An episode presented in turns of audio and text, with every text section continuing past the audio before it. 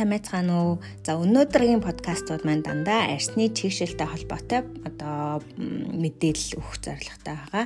За тэгэхээр өнөөдрийн хоёр дахь подкастаараа бүгдээрээ 6 төрлийн арс чигшүүлэхтэй холбоотой төөрөгдөл буюу буруу ойлголтын талаар ярилцгаая. За хамгийн түрүүнд би та бүхэн ярих одоо буруу ойлголтын нэгт бол гиалурианы хүчлийн хэрэглээ юм аа.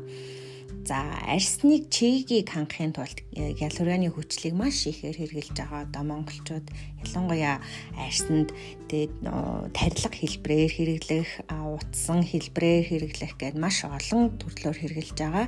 За гиалурианы хүчил нь өөрөө бол тийм одоо муу бүтээгдэхүүн бол биш ээ. Сайн одоо яг арсыг тэгшүүлэх одоо маш сайн бүтээх бодис мөн. Гэхдээ үүнээс илүү өндөр үр дүнтэй дөрвөн төрлийн чийг баригч бүтээгдэхүүн байдаг. За эдгэрийн талаар тайлбарлахын тулд би та бүхэнд бас молекул массын нэгтаршлын тул талаар бас тодорхой ойлголт өгье.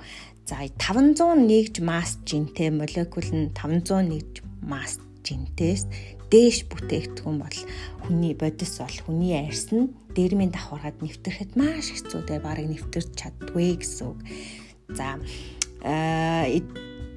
Тэгэхээр хамгийн бага жинтэй бүтээгдэхүүн ер нь бол үр дүнтэй бүтээгдэхүүн дөрвөн төрлийн бүтээгдэхүүн байгаа энэ талаар нэг танилцуулъя. Нэгт нь гэлцрээний тухай яриа. За мэдээж байгалийн гаралтай гэлцрийн хэрэглэх ёстой арьсанда байгалийн гаралтай энэ гэлцрээний нэгж масс чин нь молекулынх нь нэгж масс чин 92 байдаг. Тэгэхээр маш хөнгөн байгаа.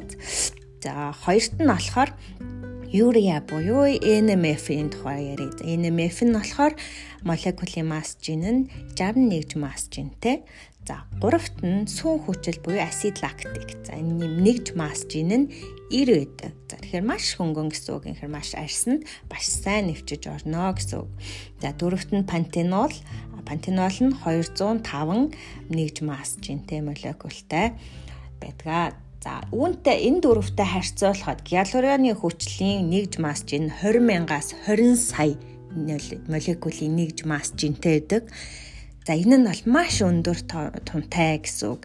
Тэгэхээр зарим одоогоо сайхны бүтээгдэхүүнүүд одоо шингэлэх маягаар те 20 мянгаас 50 мянган нэгж масс жинтэй одоо хэрглэж шингэлж хэргэлдэгээ гэхдээ ер нь бол одоо гиалуроны хүчлийн их байх тусмаа арьсанд өрөвсөл үүсгэх ийм одоо эрсдэлтэй байдгаа.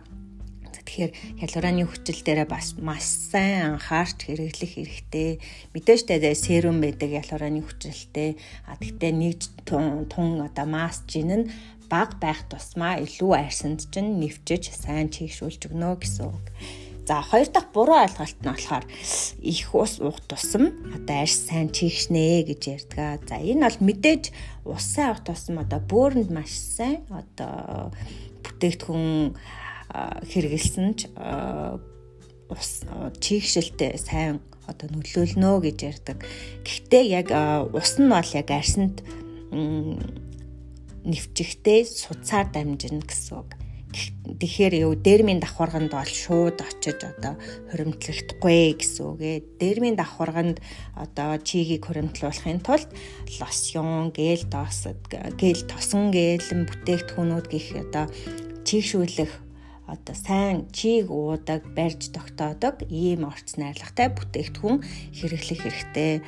За 3 дахь буруу ойлголт нь болохоор тослог арьсанд одоо чийг шүүлэгч бүтээгдэхүүн хэрэглэх хэрэггүй гэдэг ойлголт байдаг.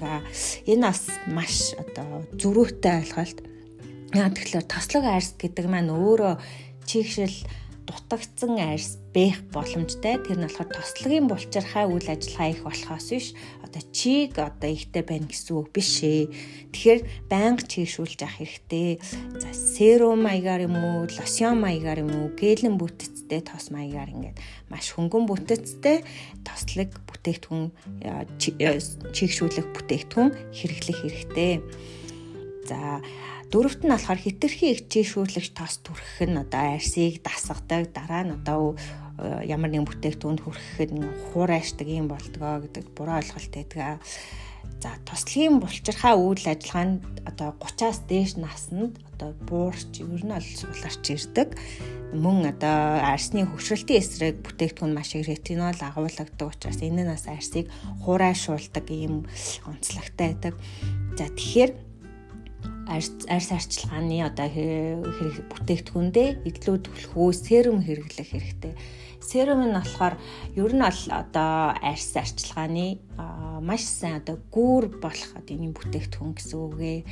Тэгэхээр арсны өдөр тутмын үйлчлэгийн э, арчилгааныхаа дараа серум түрхэд дараа нь өдрийн тосоо гээд нарны тосоо түрх хэрэгтэй. Ингэж байж серум түрхэж байж одоо тэр нүдрийн тосны үйлчилгээ нь арс нь илүү сайн нэвчиж ирнэ гэсэн үгээ. За мэдээж идэвхт орцны хувьд бол серумд өдрийн тосноос илүү өндөр тунтай идэвхт орц агуулдаг. Тэгэхээр маш сайн хэрэглээтэй гэсэн үгээ. За 6-ад нь болохоор одоо чиг дутагц арсанд нарны тос хэрэггүй гэж одоо ярьдаг. Ялангуяа намар хавар өвлийн уйлралд нарны тос хэрэглэх нь бага хүмүүс байдаг. Гэтэ нарны тосыг бол заавал хэрэглэх хэрэгтэй. Өдрийн тосны араас заавал хэрэглэж одоо арьсандаа өгсөн чигээ хадгалж тогтоож барих хэрэгтэй гэсэн үгээ төвчж өгнө гэсэн үг. Тэгэхээр өдрийн тос өдрийн турш нарны тос хэрэглэж занших хэрэгтэй. Баярлалаа.